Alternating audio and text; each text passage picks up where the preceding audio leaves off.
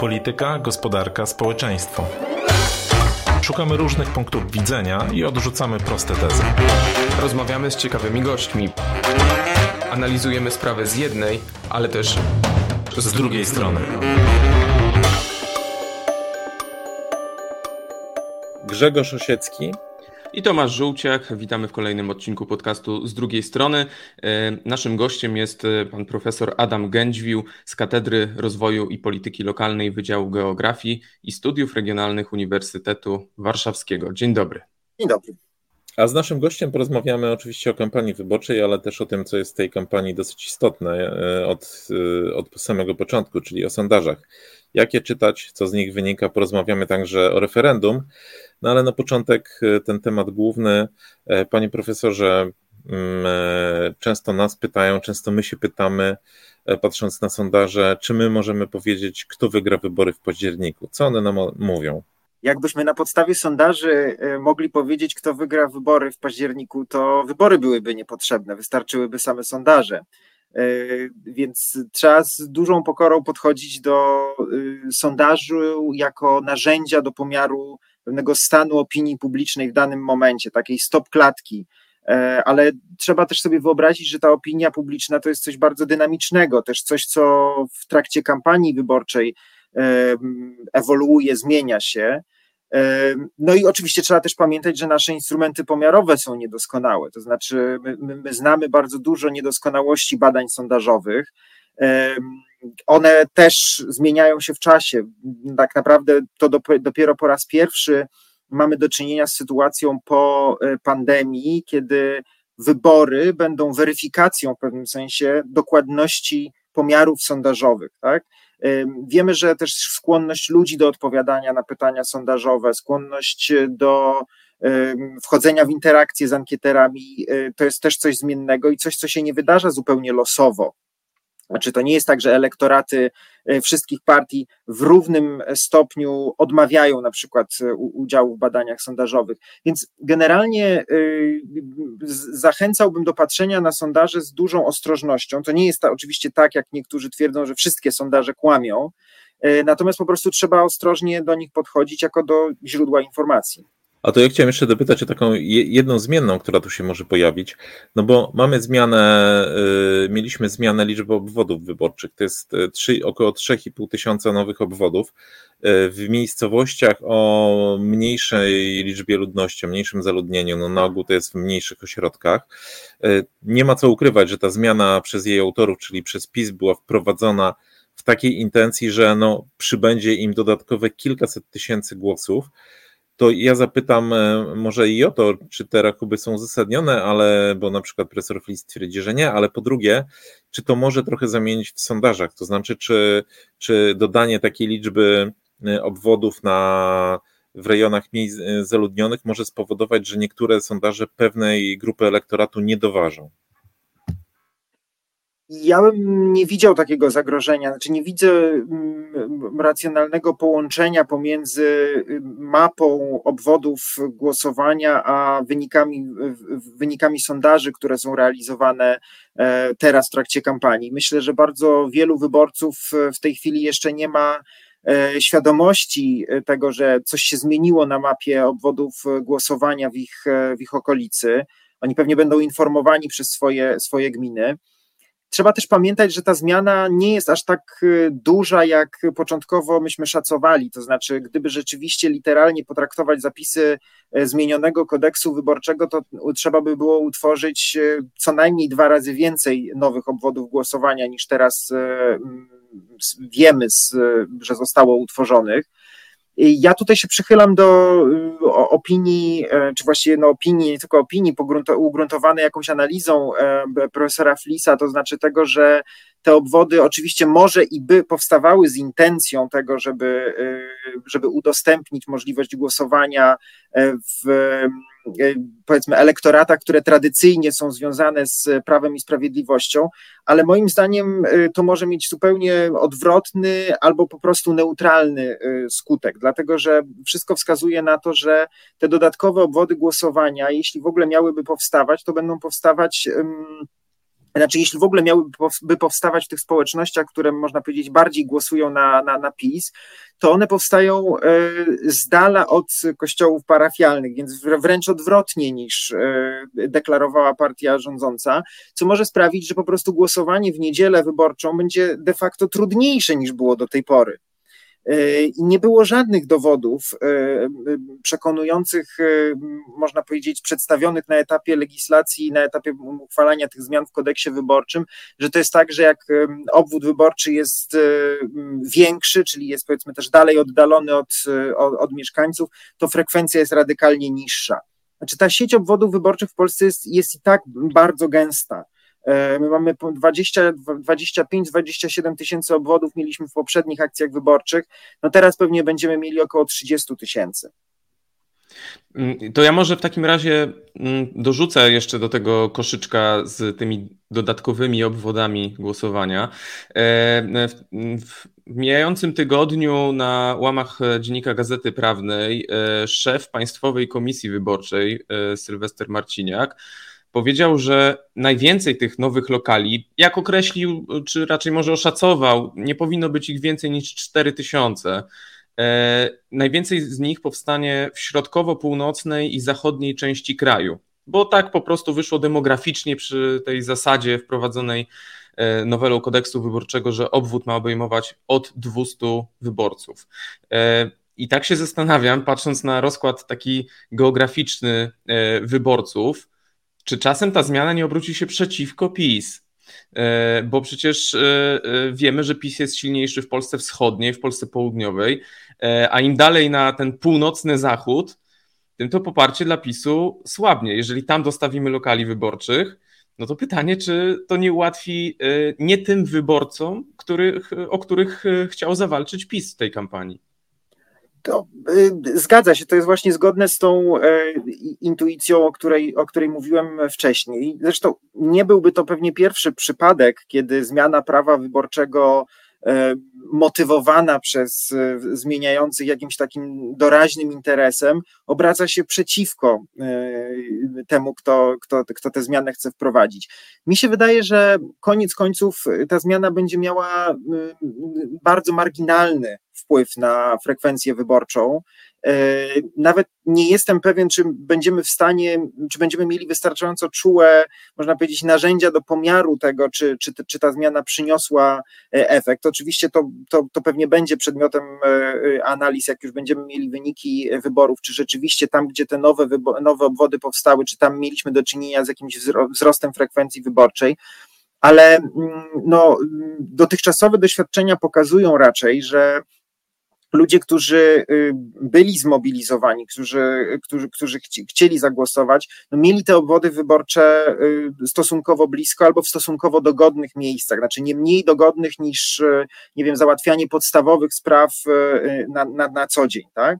Więc ja bym rzeczywiście nie przykładał ogromnej wagi do tej zmiany w dniu wyborów. Mi się wydaje, że ta zmiana miała znaczenie na etapie nowelizowania kodeksu wyborczego, że ona miała taki charakter symboliczny, że E, e, mówienie o tym, że te zmiany są profrekwencyjne, tak, e, chociaż oczywiście dowodów na to, że są profrekwencyjne nie przedstawiono, że to było tak naprawdę mm, symboliczne dowartościowanie wyborców gdzieś właśnie no, żyjących na terenach, których rzeczywiście do tych obwodów jest dalej. Mówimy o nich peryferyjne, bo one akurat pod tym względem dostępności są peryferyjne, ale oczywiście perwersja tego rozwiązania jest taka, że, że my tą peryferyjność, że politycy partii rządzących chcieli tą peryferyjność zlikwidować na ten jeden, jedyny dzień. To znaczy, że oni chcą zlikwidować czy za, zasypać tą, tą, tą dziurę związaną, nie wiem, z dowożeniem, prawda, czy z dostępnością e, e, właśnie w dniu wyborów.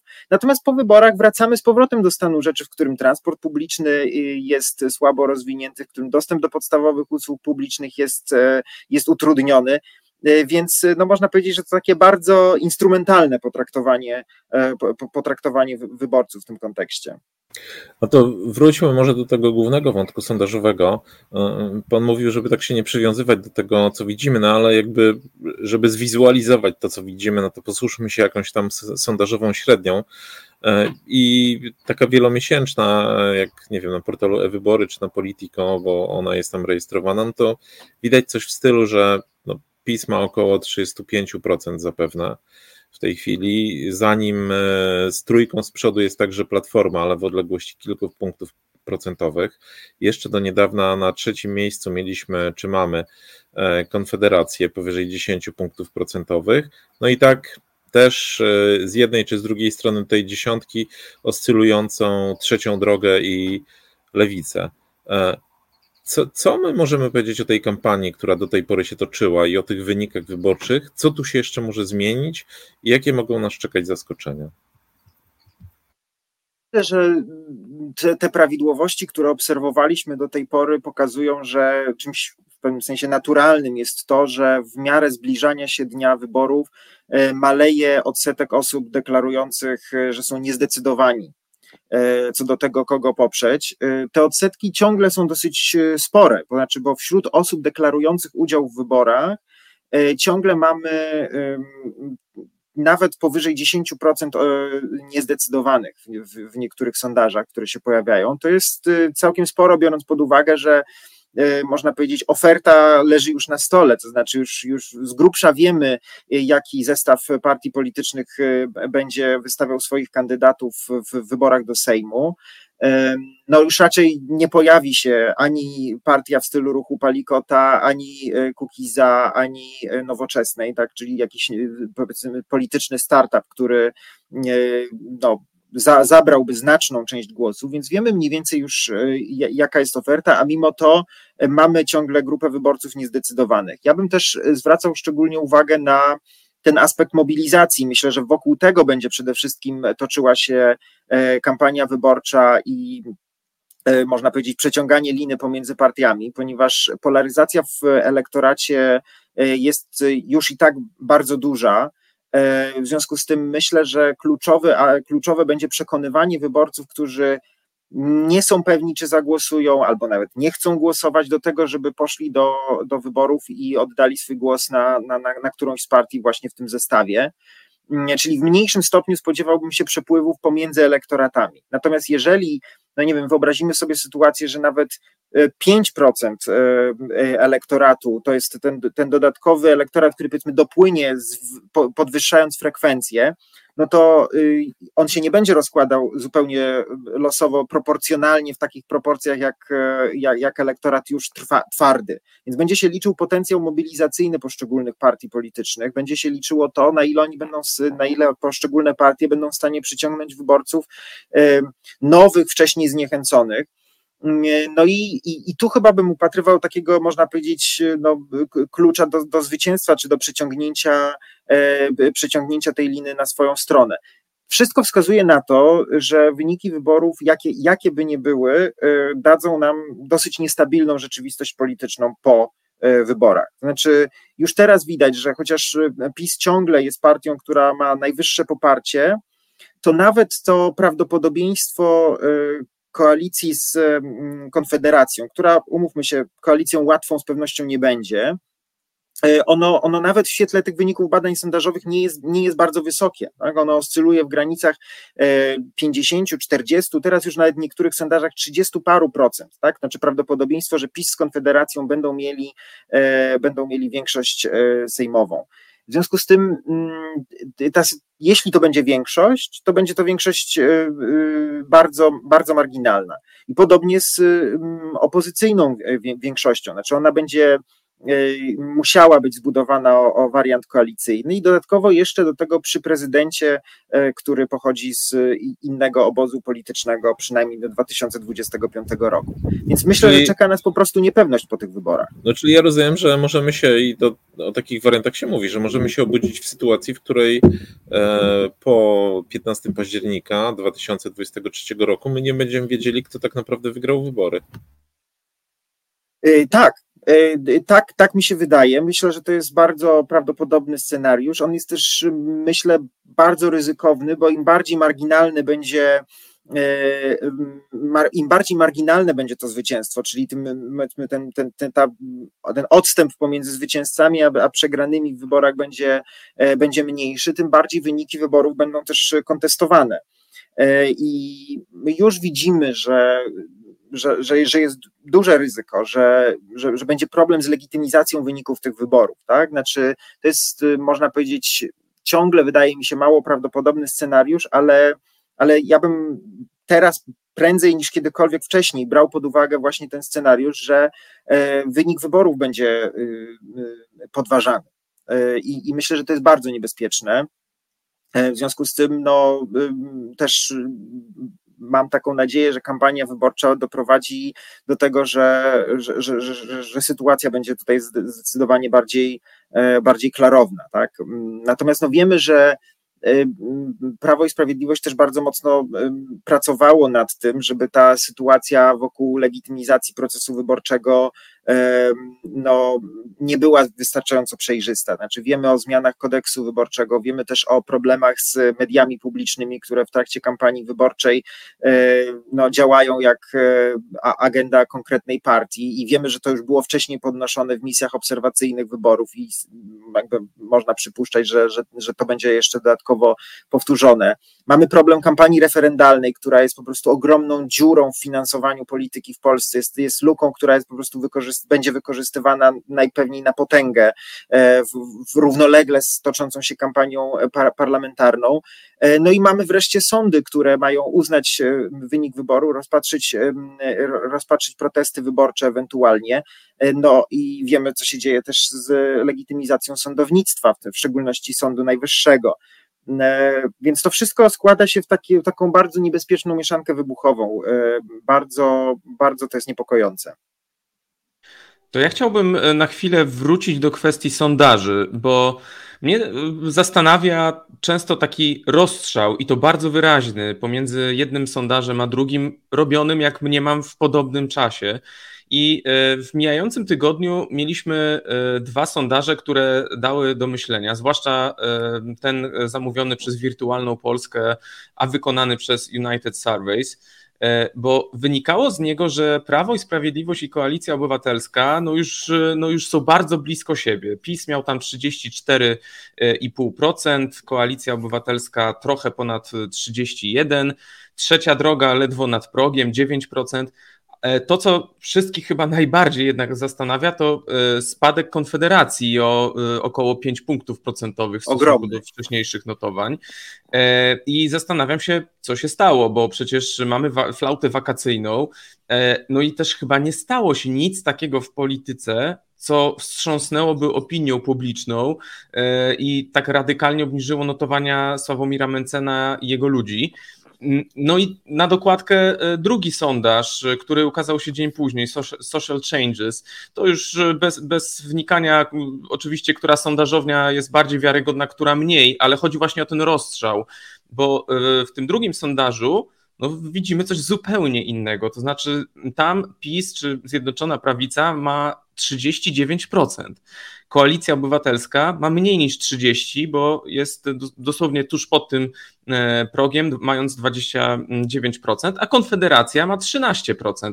Więc e, jak przeciętny e, czytelnik, obserwator polityki, ale także my, dziennikarze, mamy się w tym wszystkim odnaleźć w tym momencie?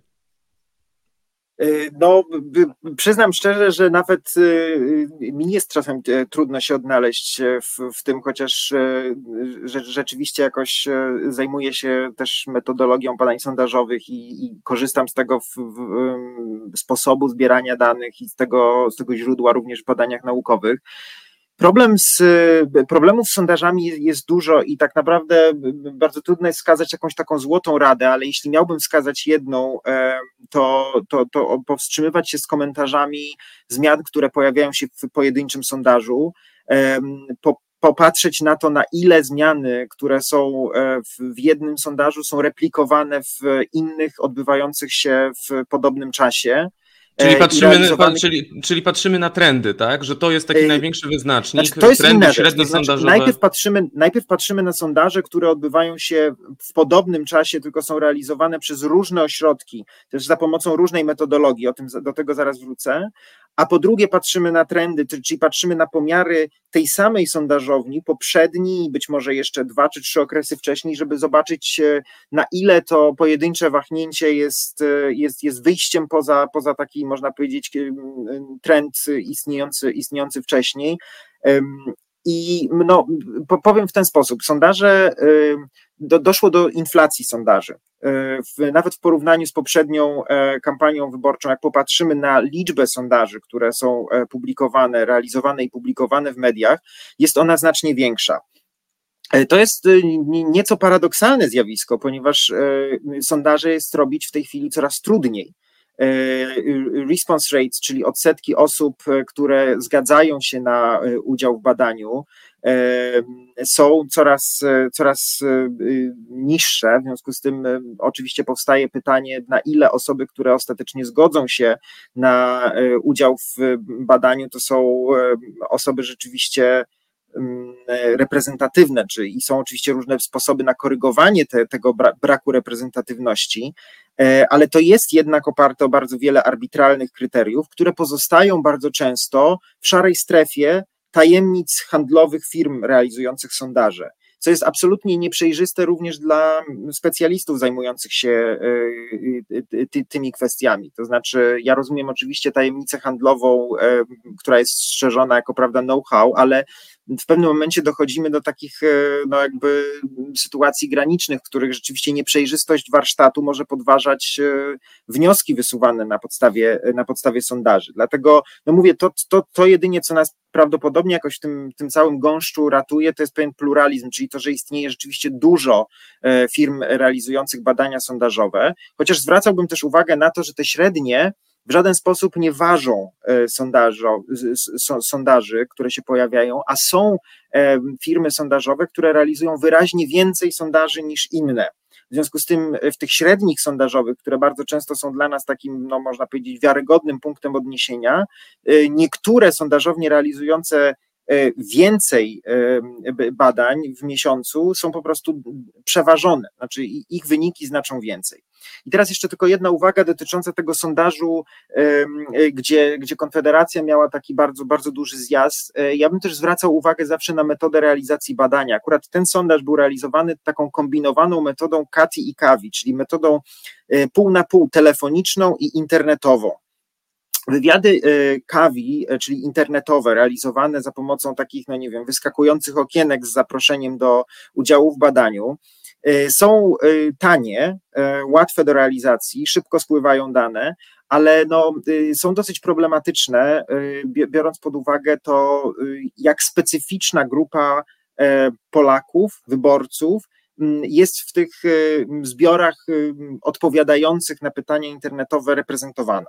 E, innymi słowy, e, to ciągle jest e, metoda, która jest, naj, znaczy jest najwię, najwięcej problemów z reprezentatywnością w, w, w, tej metodzie. W związku z tym ja bym czuł się bezpieczniej komentując wyniki, nie wiem, radykalnego spadku notowań Konfederacji, gdyby jeszcze kilka innych badań, w tym te realizowane techniką CATI albo techniką wywiadów bezpośrednich, potwierdzały te, te nowinki. A y, na kanwie tego, o czym Pan mówił, i tym, w związku z tym, że Pan się zajmuje także e, metodologią, metodologią sondażową, e, to zastanawiam się często też nad innym problemem. To znaczy, Pan użył takiego określenia, że sondaże to jest trochę taka stop-klatka rzeczywistości y, w danej chwili, w danym momencie.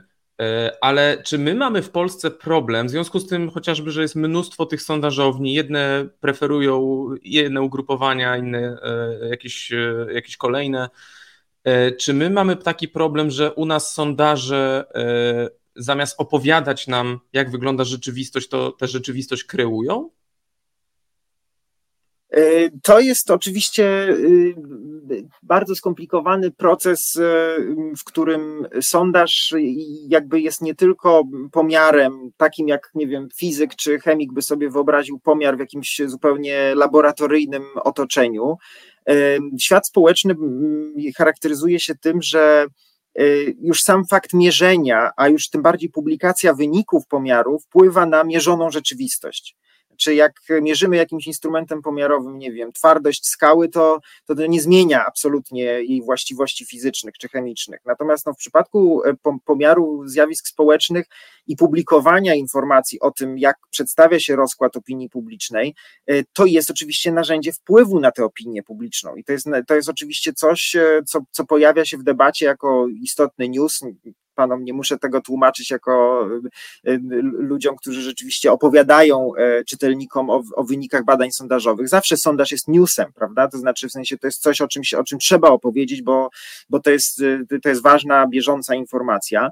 I podobnie jest z politykami. Dla nich e, sondaże bardzo często w Polsce pamiętajmy o tym, że partie polityczne są rachityczne i są bardzo kadrowe, więc sondaż jest taką e, metodą, można powiedzieć, kontaktu z elektoratem, jakkolwiek ułomną, to jednak on, e, trendy sondażowe, czy, czy, czy właśnie odpowiedzi na niektóre pytania sondażowe pokazują politykom nastroje dotyczące też różnych kwestii. Politycy używają tego jako pewnego nasłuchu do tego, co, co jest ważne, co powinno być na agendzie agendzie, czy co zrobili źle, jeśli im oczywiście e, poparcie jakoś konsekwentnie, e, konsekwentnie spada.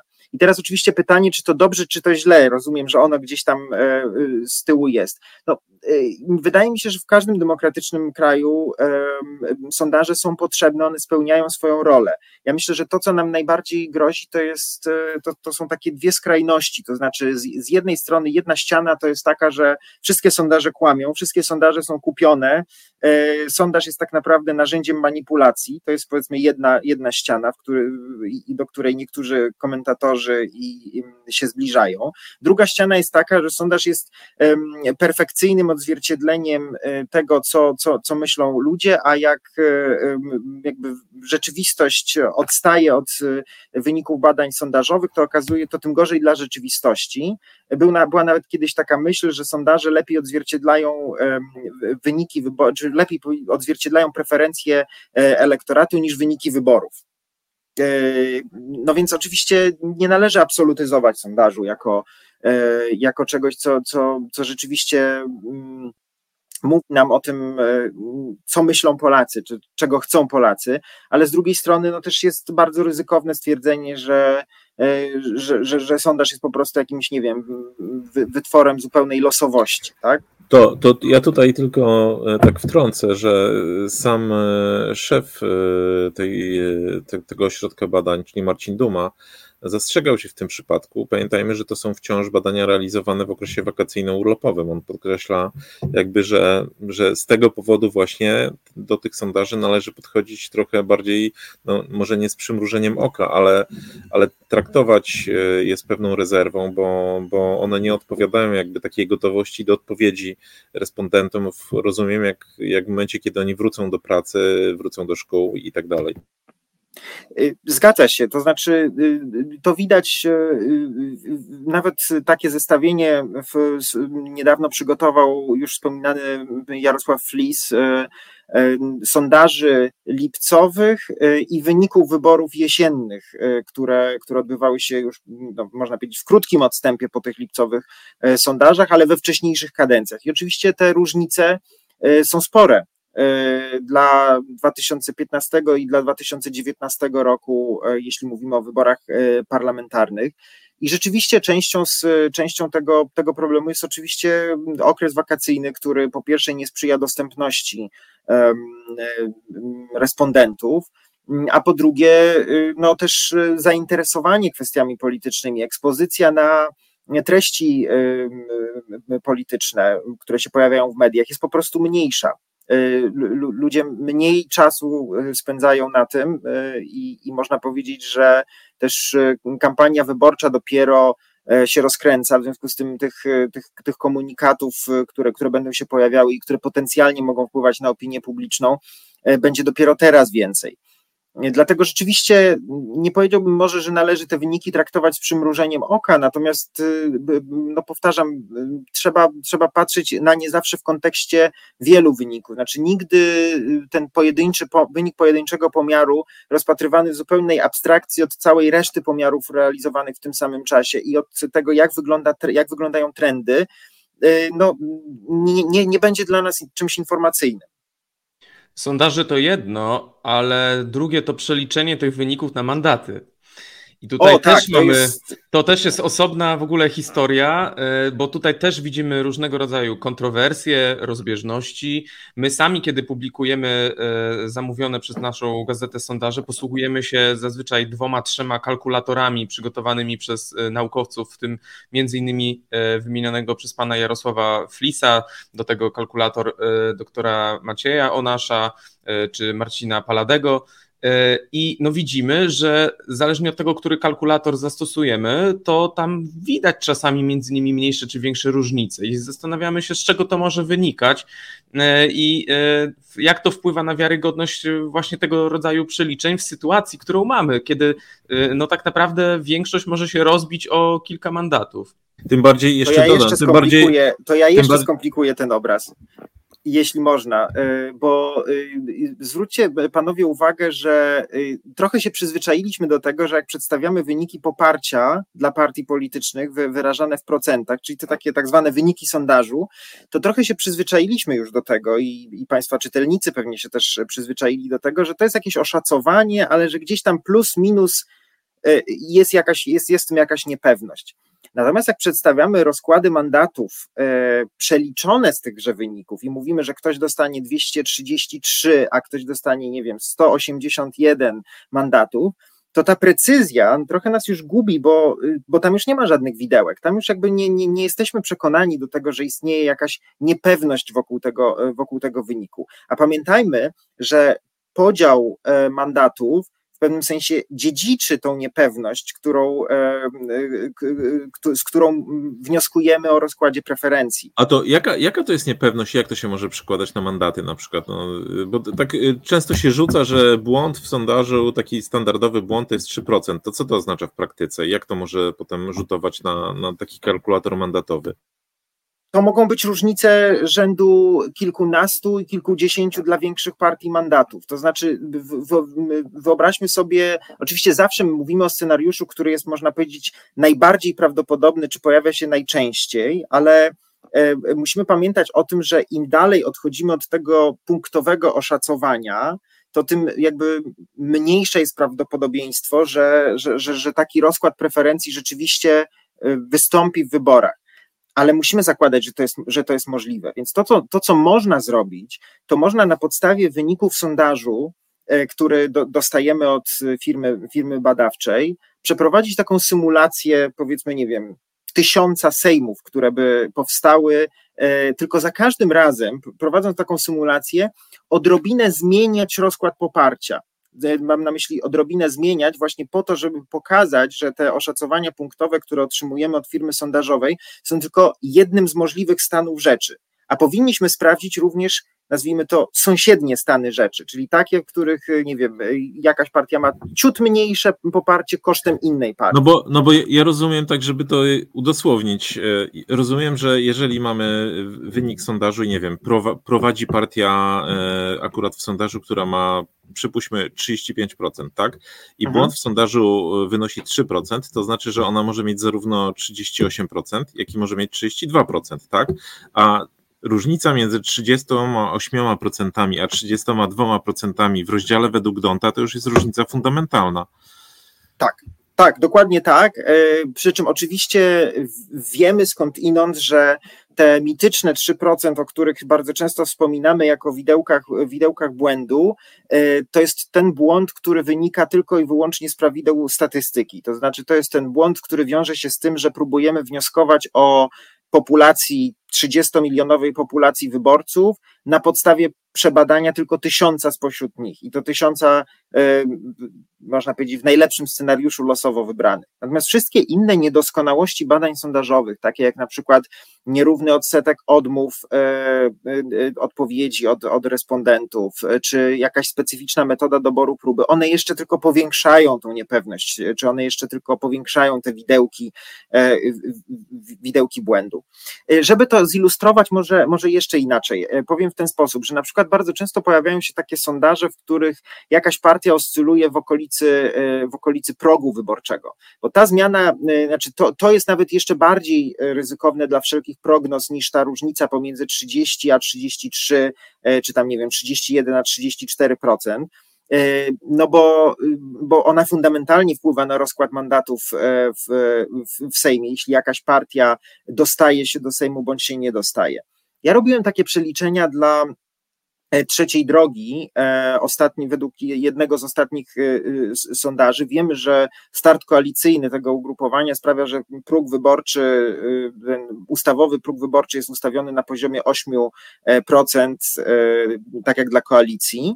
E, no i oczywiście na razie większość sondaży y, daje margines bezpieczeństwa, mówiąc, że, że trzecia droga ma poparcie powiedzmy, nie wiem, 11, 10, e, czasem tam jest 9%, ale generalnie, że to jest, że to jest kilka punktów procentowych powyżej, powyżej tego progu. Ale im bliżej tych 8% y, jest oszacowanie sondażowe, tym bardziej musimy brać pod uwagę prawdopodobieństwo, że w ostatecznym rozkładzie mandatów e, to ugrupowanie w ogóle wypadnie z Sejmu. I podobnie jest z lewicą, tyle, tyle że tam próg jest w, w, w okolicach pięciu, znaczy próg jest pięcioprocentowy, tak? więc, więc jest, jest w innym miejscu ustawiony. Ale mm, zwróćmy uwagę, że wtedy prawdopodobieństwo, kiedy, kiedy, ta, kiedy to ugrupowanie spada poniżej progu, e, to radykalnie zmienia rozkład mandatów i wpływa na prawdopodobieństwo tego, że na przykład PiS z, w koalicji z Konfederacją może stworzyć większość, e, większość e, sejmową. Tak? I te nieciągłości, które są związane z istnieniem ustawowych progów wyborczych, są nawet, można powiedzieć, jeszcze bardziej mylące dla prognoz rozkładu mandatów, niż te problemy właśnie związane z niedokładnym oszacowaniem poparcia dużych partii do tych kalkulatorów wyborczych do, dorzuciłbym jeszcze dla, dla wszystkich zainteresowanych też e, to co, to, co robi na swojej stronie internetowej profesor Ben Stanley z Uniwersytetu SWPS. On też e, kolekcjonuje e, dane sondażowe i też przedstawia właśnie takie probabilistyczne prognozy rozkładu mandatów, w których pokazuje widełki, w jakich mieszczą się oszacowania E, oszacowania liczby mandatów dla poszczególnych partii. Myślę, że, że ten sposób myślenia o prognozach wyborczych y, da, uczy nas trochę bardziej pokory, jeśli chodzi o komentowanie rezultatów, bo czasem komentatorzy się bardzo fiksują na tym, że nie wiem, jakaś, jakieś ugrupowanie uzyskuje, nie wiem, dwumandatową większość w Sejmie, a to naprawdę y, nie jest coś, co można wywnioskować na podstawie y, pomiarów sondażowych. Czyli trochę na koniec taka dobra e, rada zarówno dla nas e, komentatorów, jak i dla czytelników, czy tych, którzy są zainteresowani, co się dzieje w świecie polityki, żeby e, wykazać, czy pamiętać o pokorze, o umiarze i o tym, żeby pamiętać też, że kontrola to najwyższa forma zaufania. Mam na myśli kontrolę I o tym tego, też, że polityka i o tym też, że polityka toczy się y, gdzie indziej. To znaczy, że, że clue i sercem polityki jest jednak kampania wyborcza, wybory, y, Sejm, a nie wyniki sondażu i medialna opowieść o wynikach sondażu. Myślę, że czasem po prostu o tym zapominamy i koncentrujemy się bardzo mocno na odzwierciedleniu rzeczywistości, a nie na samej rzeczywistości. No tak, i można też e, podsumować to takim mm, politycznym truizmem, że ostateczny i najważniejszy sondaż to jest e, chwilę po wyborach. E, musimy niestety kończyć. Dziękujemy panu bardzo, że był pan z nami i przeprowadził sondażowe meandry. Naszym i państwa gościem był profesor Adam Gędźwił z katedry, z katedry Rozwoju i Polityki Lokalnej Wydziału Geografii i Studiów Regionalnych Uniwersytetu Warszawskiego. Dziękujemy serdecznie. Dziękuję bardzo za rozmowę. Witamy w części drugiej, e, w której porozmawiamy sobie o tym, że kampania e, wyborcza wkracza w taki dość kluczowy etap, w którym zaczynają upływać dość kluczowe terminy na wykonanie dość kluczowych czynności. E, przede wszystkim przed nami w momencie, w którym rozmawiamy 28 sierpnia i tam mija kilka terminów istotnych, jeżeli chodzi o cały proces wyborczy. To, to jest przede wszystkim powołanie okręgowych komisji wyborczych, E, ale to, co jest chyba najważniejsze dla tych, którzy uczestniczą w tych wyborach, to jest mijający tego dnia termin na zawiadomienie Państwowej Komisji Wyborczej o utworzeniu Komitetu Wyborczego.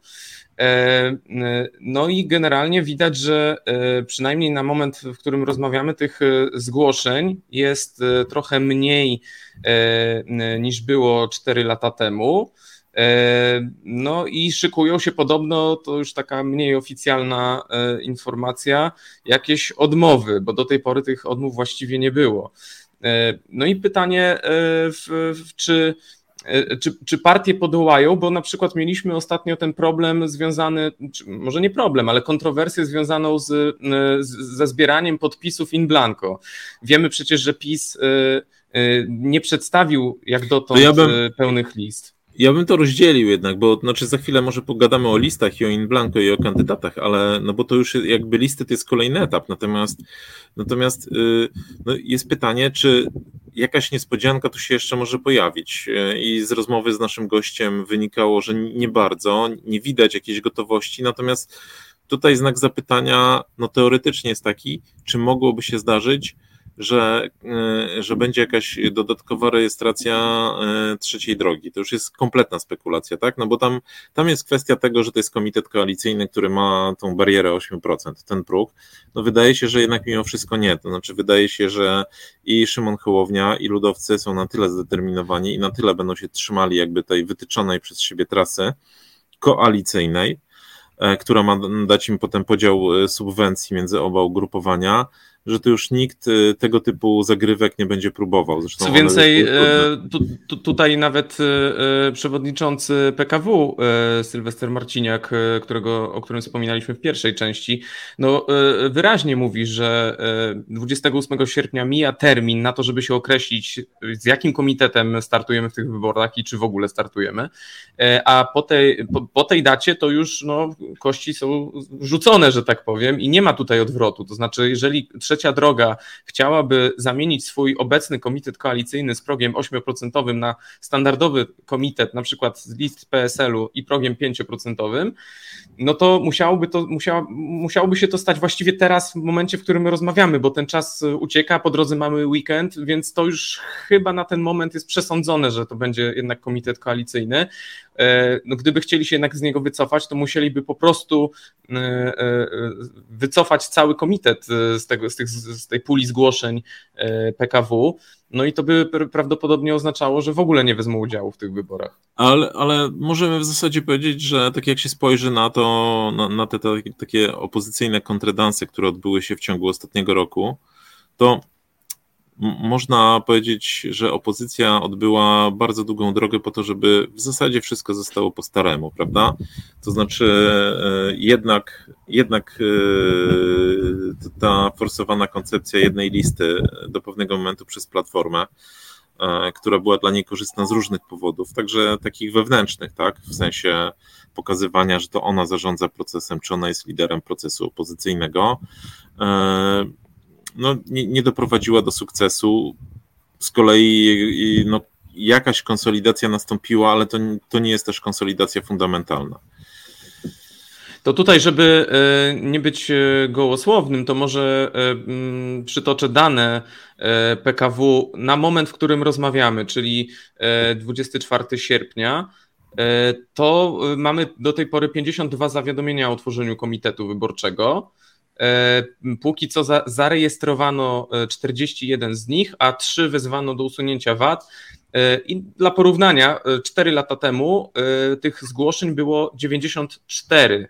No I widać, że w takim razie, że jeżeli tutaj nic jeszcze nie dojdzie przez, na, na, tak za 5-12, e, no to tych zgłoszeń będzie wyraźnie mniej niż w 2019 e, roku. Myślisz, że to o czym świadczy, że jakaś większa konsolidacja e, zapanowała na te wybory, że wszyscy podchodzą do tego, że trzeba jednak zwierać siły, zawiązywać sojusze, żeby mieć szansę czy to wygrać z pisem, czy po prostu z jakimś większym graczem? No, możliwe, że po prostu jest y, mniej y, optymistów po stronie tak zwanej drobnicy, ale mimo wszystko te drobniejsze komitety wystąpią, tak? Bo widzimy i tam e, Marka Materka, który który do niedawna był w sojuszu z Kołodziejczakiem, a w tej chwili no, deklaruje cały czas, mówi o samodzielnym starcie, mówimy, widzimy cały czas bezpartyjnych samorządowców. No i to są takie ruchy, które nie wiem, czy one będą miały znaczenie w wyborach do Sejmu. Natomiast jeżeli chodzi o wybory senackie, to w niektórych okręgach pewnie mogą zamieszać bo jak sobie spojrzymy na wyniki tego typu ugrupowań e, w tamtych wyborach, no to one de facto były symboliczne. Natomiast no, ich kandydaci właśnie w senackich wyborach e, zdarzało się, że rozstrzygali o tym, czy wygrywała opozycja, czy PiS.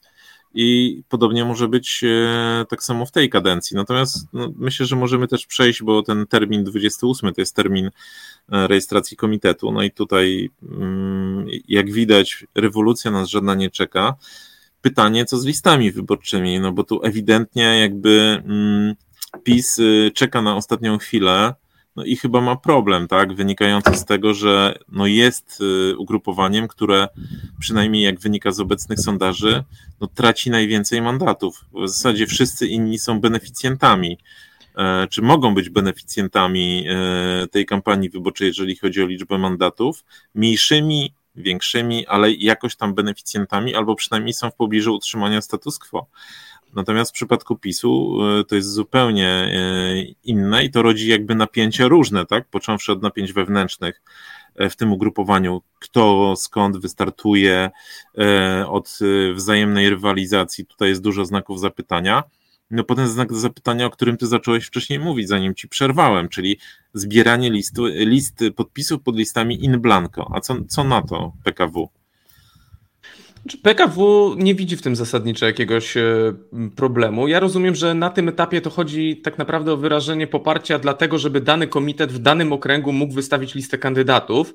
Wręcz e, jest taki argument, że no, e, przy ta, czasami przy takiej liczbie nazwisk, którą dany komitet planuje wystawić, no to może być technicznie problematyczne, żeby, żeby te wszystkie, wszystkie nazwiska odpowiednio wymienić na, na, na każdej stronie, gdzie te podpisy zbieramy. Więc nie ma ustawowego obowiązku zamieszczania tam nazwisk kandydatów. To jest chyba taki, taka główna myśl, jeżeli chodzi o stanowisko Państwowej Komisji Wyborczej. I jeszcze a propos list PiSu, bo to jest w kontekście układania E, e, tych, tych list chyba najciekawsze, bo termin mija, mija 6 września i ten kalendarz, który nas prowadzi gdzieś w okolice tego początku września, układa się bardzo ciekawie i bardzo wiele nam mówi, dlaczego PiS nie ujawnia tych list.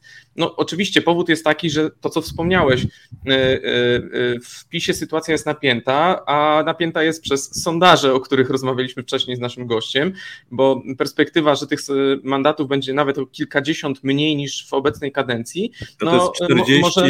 około 40 mniej może być. No właśnie, i to może działać demotywująco na e, sporą część działaczy, którzy dowiedzą się, że albo dostali jakieś niebiorące miejsca, albo w ogóle się nie znaleźli na tych listach, bo uznano, że oni nie pociągną tej listy. E, no a dlaczego ten kalendarz jest ważny? Mowa o kalendarzu e, sejmowym, właściwie parlamentarnym, bo tam nam się układa bardzo ciekawa sytuacja, bo y, mamy Senat, który będzie obradował 29 i 30 sierpnia, a 30 sierpnia wieczorem zbiera się Sejm.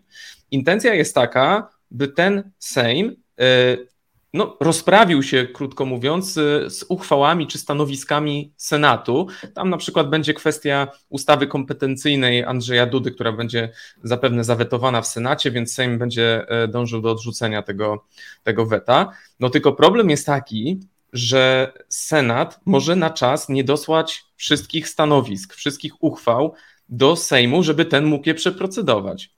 Jest bardzo duże ryzyko, że tak się nie stanie. I co wtedy? No wtedy e, e, z PiSu dochodzą sygnały, że być może trzeba będzie zorganizować kolejne posiedzenie. E, no i tutaj można, być może to będzie 31 sierpnia, być może to będzie 1 września, czyli piątek. No to będzie tak już naprawdę ostatnia chwila dla prezesa Kaczyńskiego, który no, z powodów taktycznych nie chce na razie ujawniać tych list, a mówi się, że te listy zostaną ujawnione w pierwszy weekend września, czyli 2-3 września, więc e, to, ten cały kalendarz e, wydaje się układa się jak takie puzzle, które e, sporo nam tłumaczą, dlaczego PiS zwleka z ujawnieniem tych wszystkich nazwisk. No tak, ale to, to będziemy musieli poczekać, tym bardziej, że jeszcze kilka dni wszystko na to wskazuje, chociaż jest coraz więcej jakby przycieków dotyczących tych list. Natomiast, natomiast no, pytanie numer dwa, i moim zdaniem najciekawsze w tej kampanii, co wszystkie ugrupowania rzucą programowo, bo widzieliśmy w tamtej części kampanii y, babciowe, widzieliśmy 800, widzieliśmy kredyt w różnych odmianach, a to 2%, a to 0%, a to 1,5% jak w przypadku ludowców. Natomiast no wiadomo, że i PiS szykuje jakieś otwarcie programowe i Platforma też coś będzie musiała pokazać we wrześniu.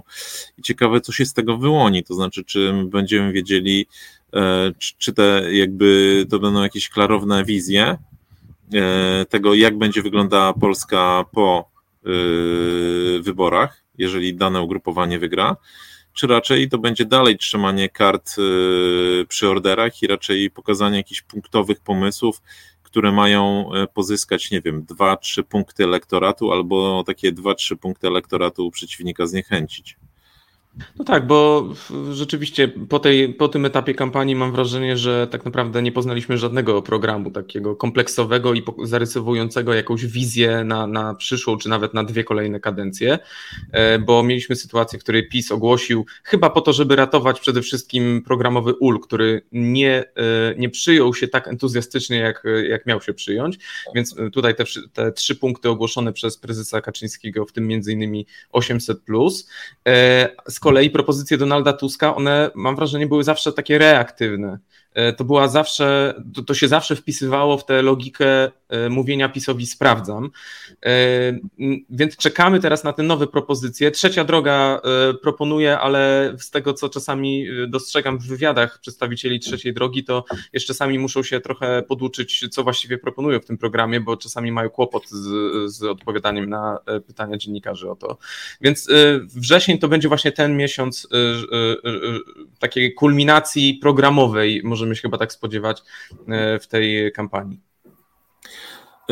A o tym pewnie będziemy jeszcze rozmawiali w kolejnych podcastach. Dzisiaj dziękujemy bardzo. Grzegorz Osiecki i Tomasz Żółciak. Polityka, gospodarka, społeczeństwo. Szukamy różnych punktów widzenia i odrzucamy proste tezy. Rozmawiamy z ciekawymi gośćmi. Analizujemy sprawę z jednej, ale też z drugiej strony.